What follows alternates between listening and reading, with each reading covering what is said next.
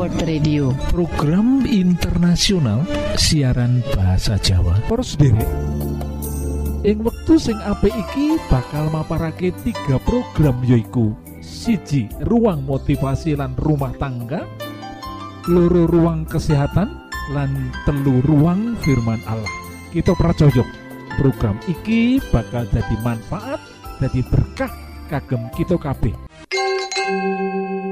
Para monggo monggo. Sugeng mirengaken program pertama inggih menika ruang motivasi.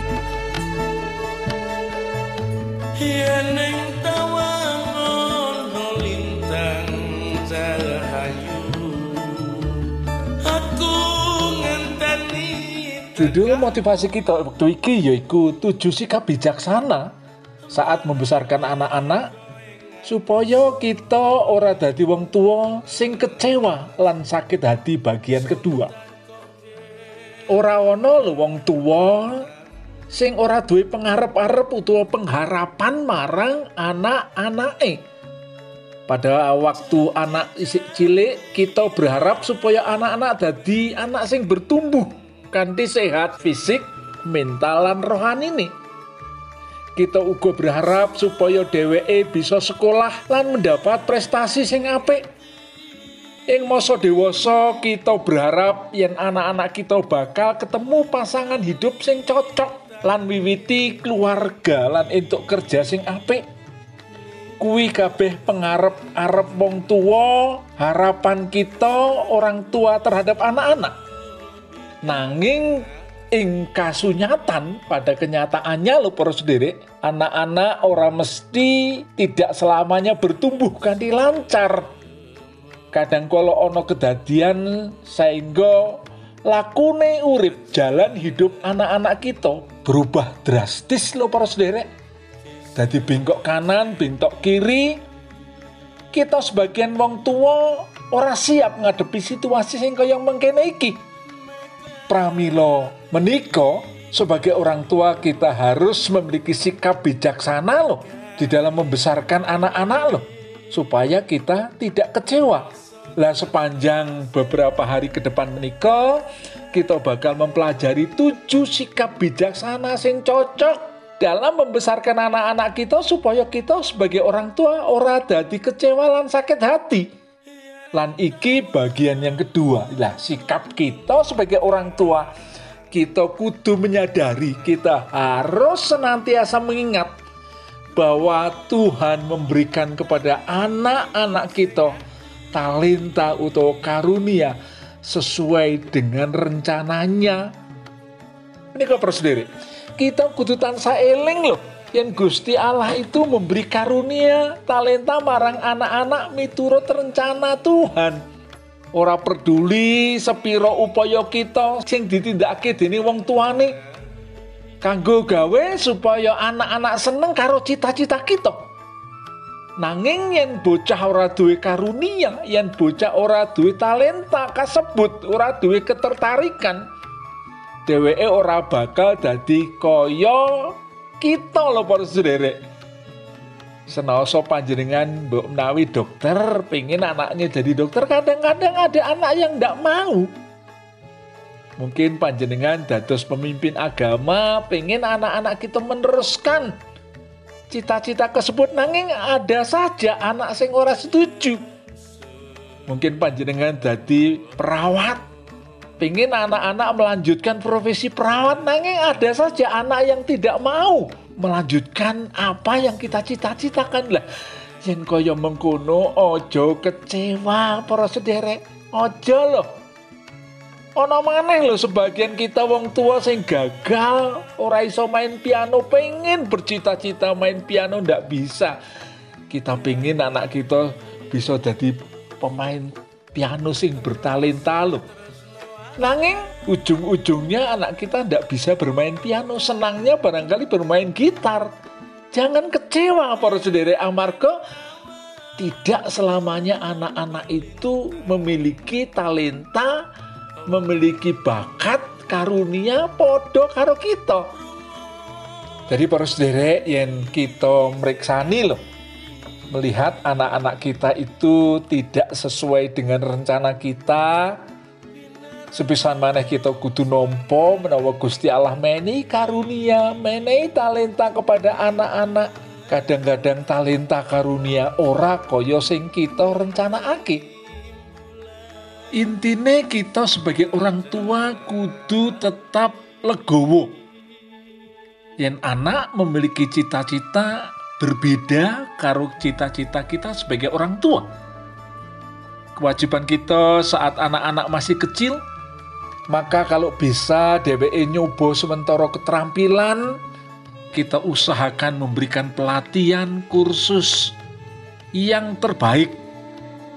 Mengko kita bisa deleng bakate opo, minati opo, ketertarikannya opo, lan nalika kita deleng kebiasaan lan minati, paling ora kita bisa mengarahkan anak-anak tersebut sesuai dengan minat dan bakati.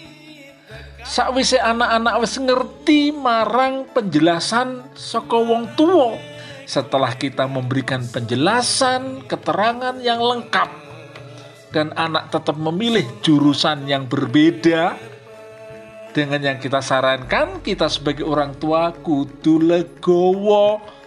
Ndak usah sakit hati saat anak-anak wis bekerja kadang-kadang berbeda dengan arahan kita. Kalau itu pilihan anak yang penting anak menyukai dan anak yakin dengan pilihannya. Kita sebagai orang tua kudu legowo. Jadi kita minangka wong tua pancen kudu ngati-hati loh. Jangan sampai kita memaksakan loh jurusan apa, keterampilan apa kita paksa ake marang putra putri kita ing jaman kaya mengkene iki wis ora iso kaya mangkono yang kita paksakake kita bisa ngalang-ngalangi rencananya Gusti Allah memakai anak kita menjadi alat Tuhan loh lan kita kedah menyadari loh para sendiri kadang-kadang anak-anak kita itu setelah besar dan berkeluarga kadang-kadang anak-anak kita itu menjadi berbeda loh kalau dulu anak-anak menyayangi kita, kadang-kadang ada anak yang kurang menyayangi kita. Kalau dulu anak-anak kita itu saling mengasihi dengan saudara-saudaranya, setelah mereka berkeluarga kelihatannya kok hubungannya tidak seperti dulu. Lah, tugas kita sebagai orang tua memberikan saran. Nek saran, saran kita mereka buatan ditampi ya terserah kepada anak-anak kita. Kita tidak boleh memaksakan. Kita tetap berusaha untuk mendoakan, mendorong anak-anak kita. Dan satu hal malih yang perlu kita camkan nggih menika anak-anak kita boleh berubah. Tetapi kita tidak boleh berubah lah menika. Kita kedah atau kita harus tetap menyayangi. Sewaktu kita berdiri tegak dan tidak berubah, kita menikah akan menjadi seperti rumah yang kokoh bagi anak-anak loh. Dan anak-anak akan melihat orang tua yang kokoh ini perlu dituladani loh. Bila menikah sepian malih para jangan kecewa. Biarkanlah anak-anak yang sudah kita berikan saran memilih. Agar anak-anak bisa memilih untuk masa depannya. Dan tetap setia kepada Tuhan. Gusti berkahi.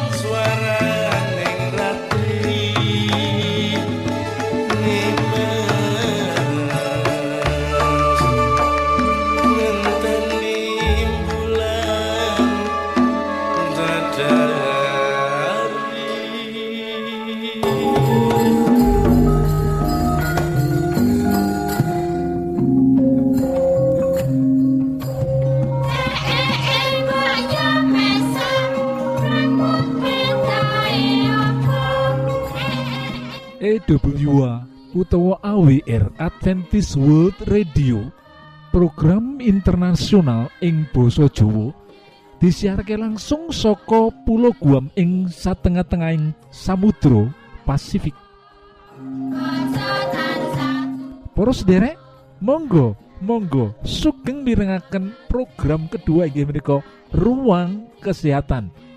Salam sehat Gusti berkahi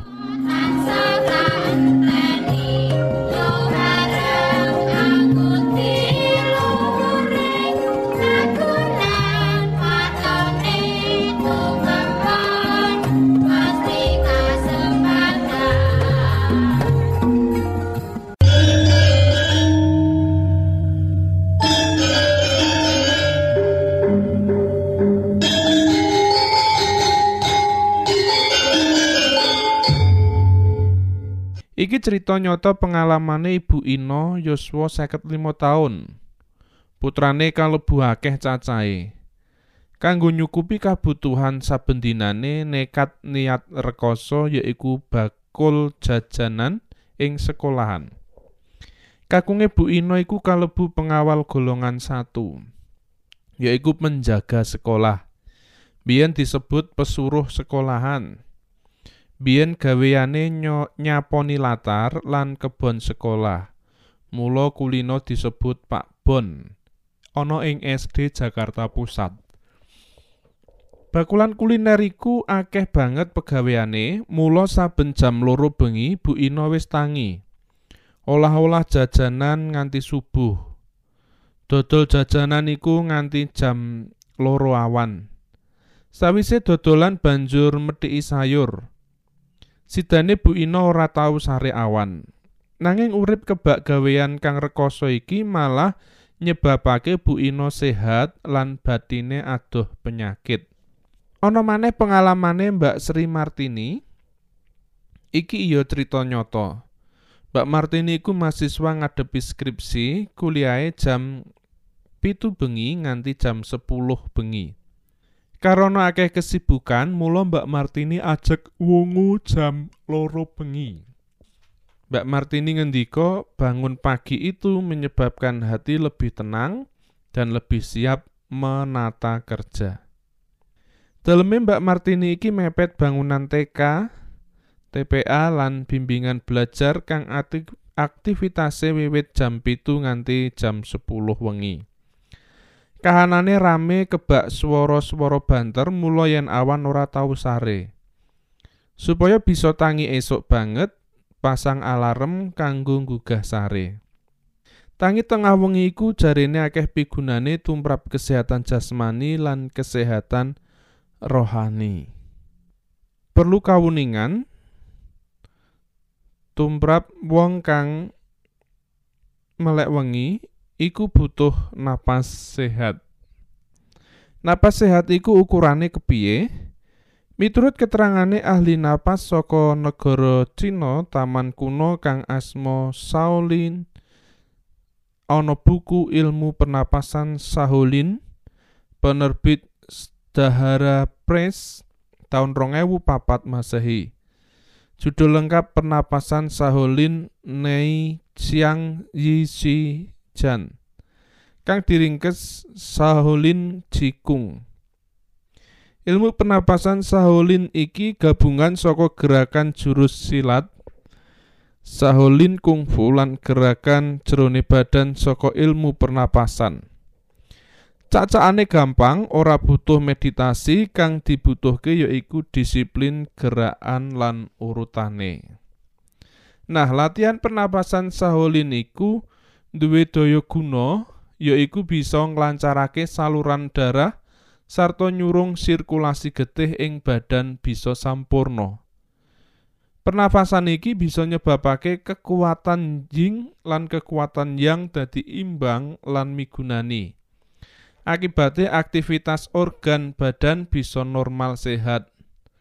Lamun wis tingkat mahir bisa ngetokake utawa eksplorasi ji kanggo penyembuhan diri pribadi lan wong liya.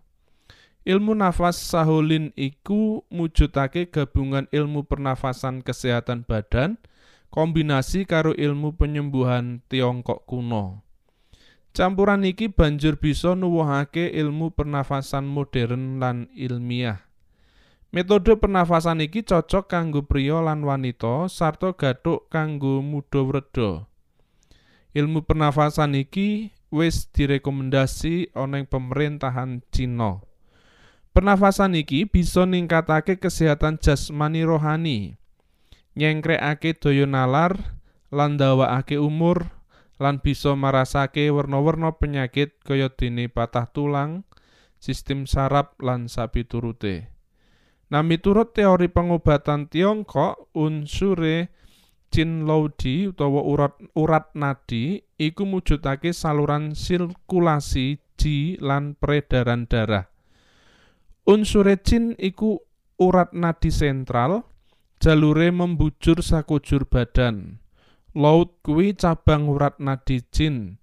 Dene Chin lan laut iku mujud jaringan sumebar ing badan wiwit saka sirah tekan pucuke sikil. Nah, getih iku pengantar zat-zat kang dibutuhake badan murih bisa urip sehat. Yen aliran getih iki lancar, ateges kabutuhane badan bisa cukup lan sehat. Suwalike yen sirkulasi getih keganggu, awak ora sehat. Nah, unsur ji iku mujudake kekuatan vital tumrap badan lan ji iki kang nyurung kegiatan aliran darah kang minangka lantarane urip. Yen ji iki kebak getih lan tersalur ing badan ateges awak sehat. Ana maneh obah-obahan utawa gerakan kang penting ing olah nafas iki, yaiku kegiatan nekuk driji tangan lan nekuk driji siku. Apa aktivitase nekuk driji iki tumrap kesehatan jasmani rohani? Kegiatan manungsa ing saben dinane iku tansah migunakake utek lan tangan. Uga tansah migunakake siku kanggo makarya. Saka gerakan tekuk driji iki bisa muncul napas sehat saka tangan lan siku. Driji-driji iki duwe titik sambung khusus ing utek utawa otak. Ayen pernafasan iki keganggu, ana jamu kang tradisional kang iso uga diunjuk. Miturut Pinus Linggo ing buku resep obat tradisional edisi revisi penerbit penebar swadaya tahun 2002 kaca 16 jamu sesak napas bunga sepatu dua kuntum cuci dan tumbuk halus beri air masak segelas dan diminum dua kali sehari. Para sederek, para sederek pengen gadai kesehatan sing prima.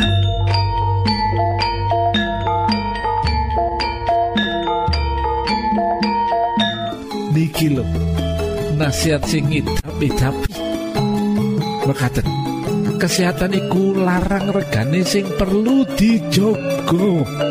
Kesehatan iku modal kita kanggo gayu sakabehing cita-cita. Berolahraga saben cukup istirahat 6 nganti 8 jam sedina. Ngombe banyu putih 8 gelas saben dina. Mangano sing bergizi. Hindarkan minuman keras lan ojo ngrokok. Kesehatan iku modal kita kanggo gayu sakabehing cita-cita.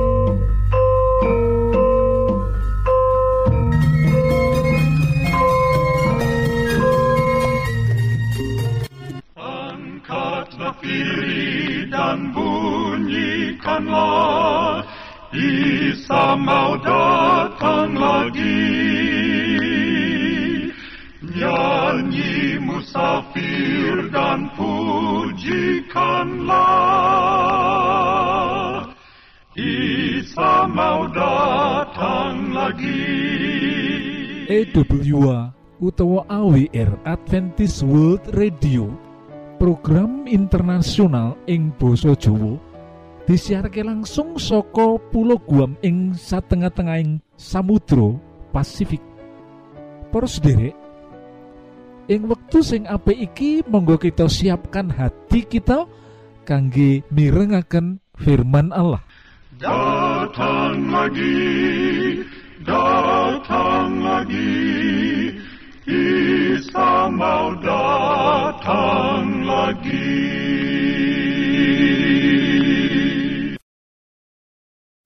Sedulur kang kinasih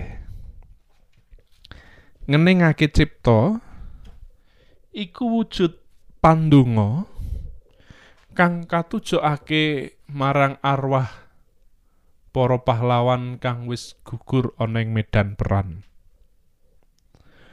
Pancen menawa miturut iman Kristiani ndongaake wong kang wis mati iku ora ana gunane lan ora bakal dijawab Gusti.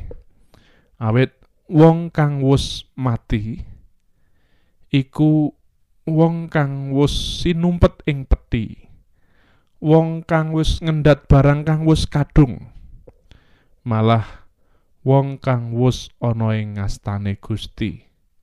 Wis ora perlu didongakake maneh. Kanggo jasa-jasane para pahlawan perlu dikenang lan semangat perjuangane perlu ditiru. Ning ndongake arwahe ora perlu. Aneh ana ing babagan rohani pancen wong iku kudu ndedonga. Awit pandonga iku bebasan nafas iman. Nafas rohani. Mulane sregep ndedonga kenceng anggone ndedonga iku mbuktekake yen wong iku duweni karohanen kang becik. Nah, kepiye anggon kita ndedonga para sedulur kang kinasih? Ana ing serat kitab Yakobus bab siji ayat 6 nganti tumeka ing 8 dingendikake kaya mangkene. Nanging yen nyuwun kudu sing temenan. Aja mangu-mangu. Awit wong mangu-mangu kuwi ora beda karo ombak ing segara. Sing mung pelayu mrana mlayu mrene manut lakuning angin. Wong sing mengkono kuwi aja ngira yen bakal nampa apa-apa saka Gusti. Awit wong sing atine mangkro nindakake pegawean apa wae ora tau bisa rampung kanthi becik. Sedulur kang kinasih, tetales sing pandonga yaiku duweni ati kang mantep, ati kang yakin, ati kang ora mangu-mangu utawa mangkro. Awit wong mangkro utawa mangu-mangu kadya ombak. Lan wong kang kaya mangkono ora bakal nampa apa-apa kang saka Gusti. Mulane sedulur kang kinasih ndedonga iku penting. Luwih penting kepiye anggon kita ndedonga. Ana ing kitab Ibrani bab 11 ayat 6 dingendikake Ora ana wong sing bisa gawe renaning penggalihing Allah tanpa percaya.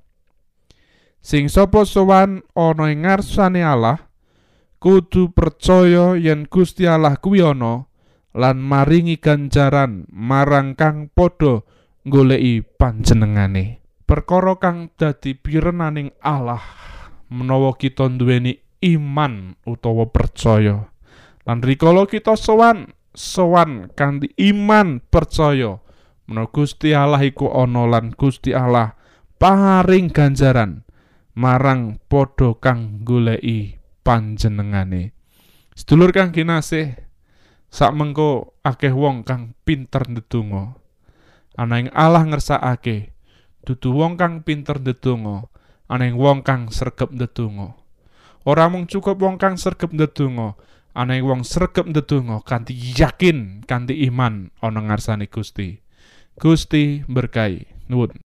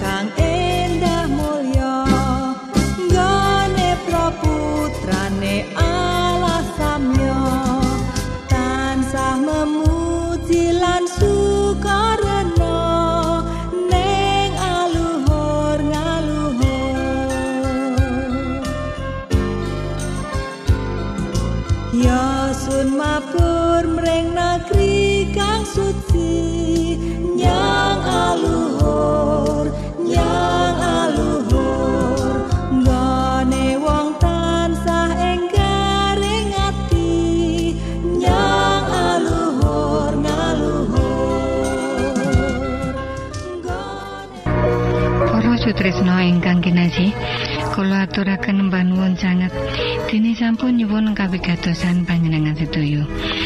Mugi-mugi menapa ingkang kita aturaken wonten manfaatipun kagem panjenengan sakeluargi.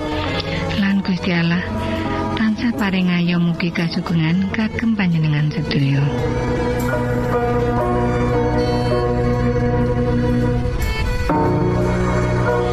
Kita ingkang tugas jagi wonten studio pamit badhe mundur.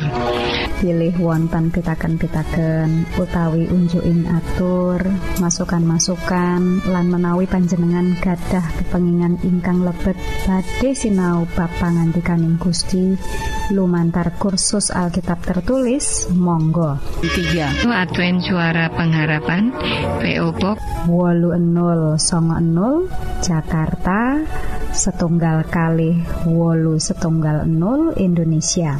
Panjenengan saged mlebet jejaring sosial Kawulo inggih menika Facebook pendengar radio Advent suara pengharapan utawi radio Advent suara pengharapan. Saran-saran pitaken ugi tanggapan panjenengan tansah kawula tenggo. Lan saking studio kula ngaturaken bumi panuwun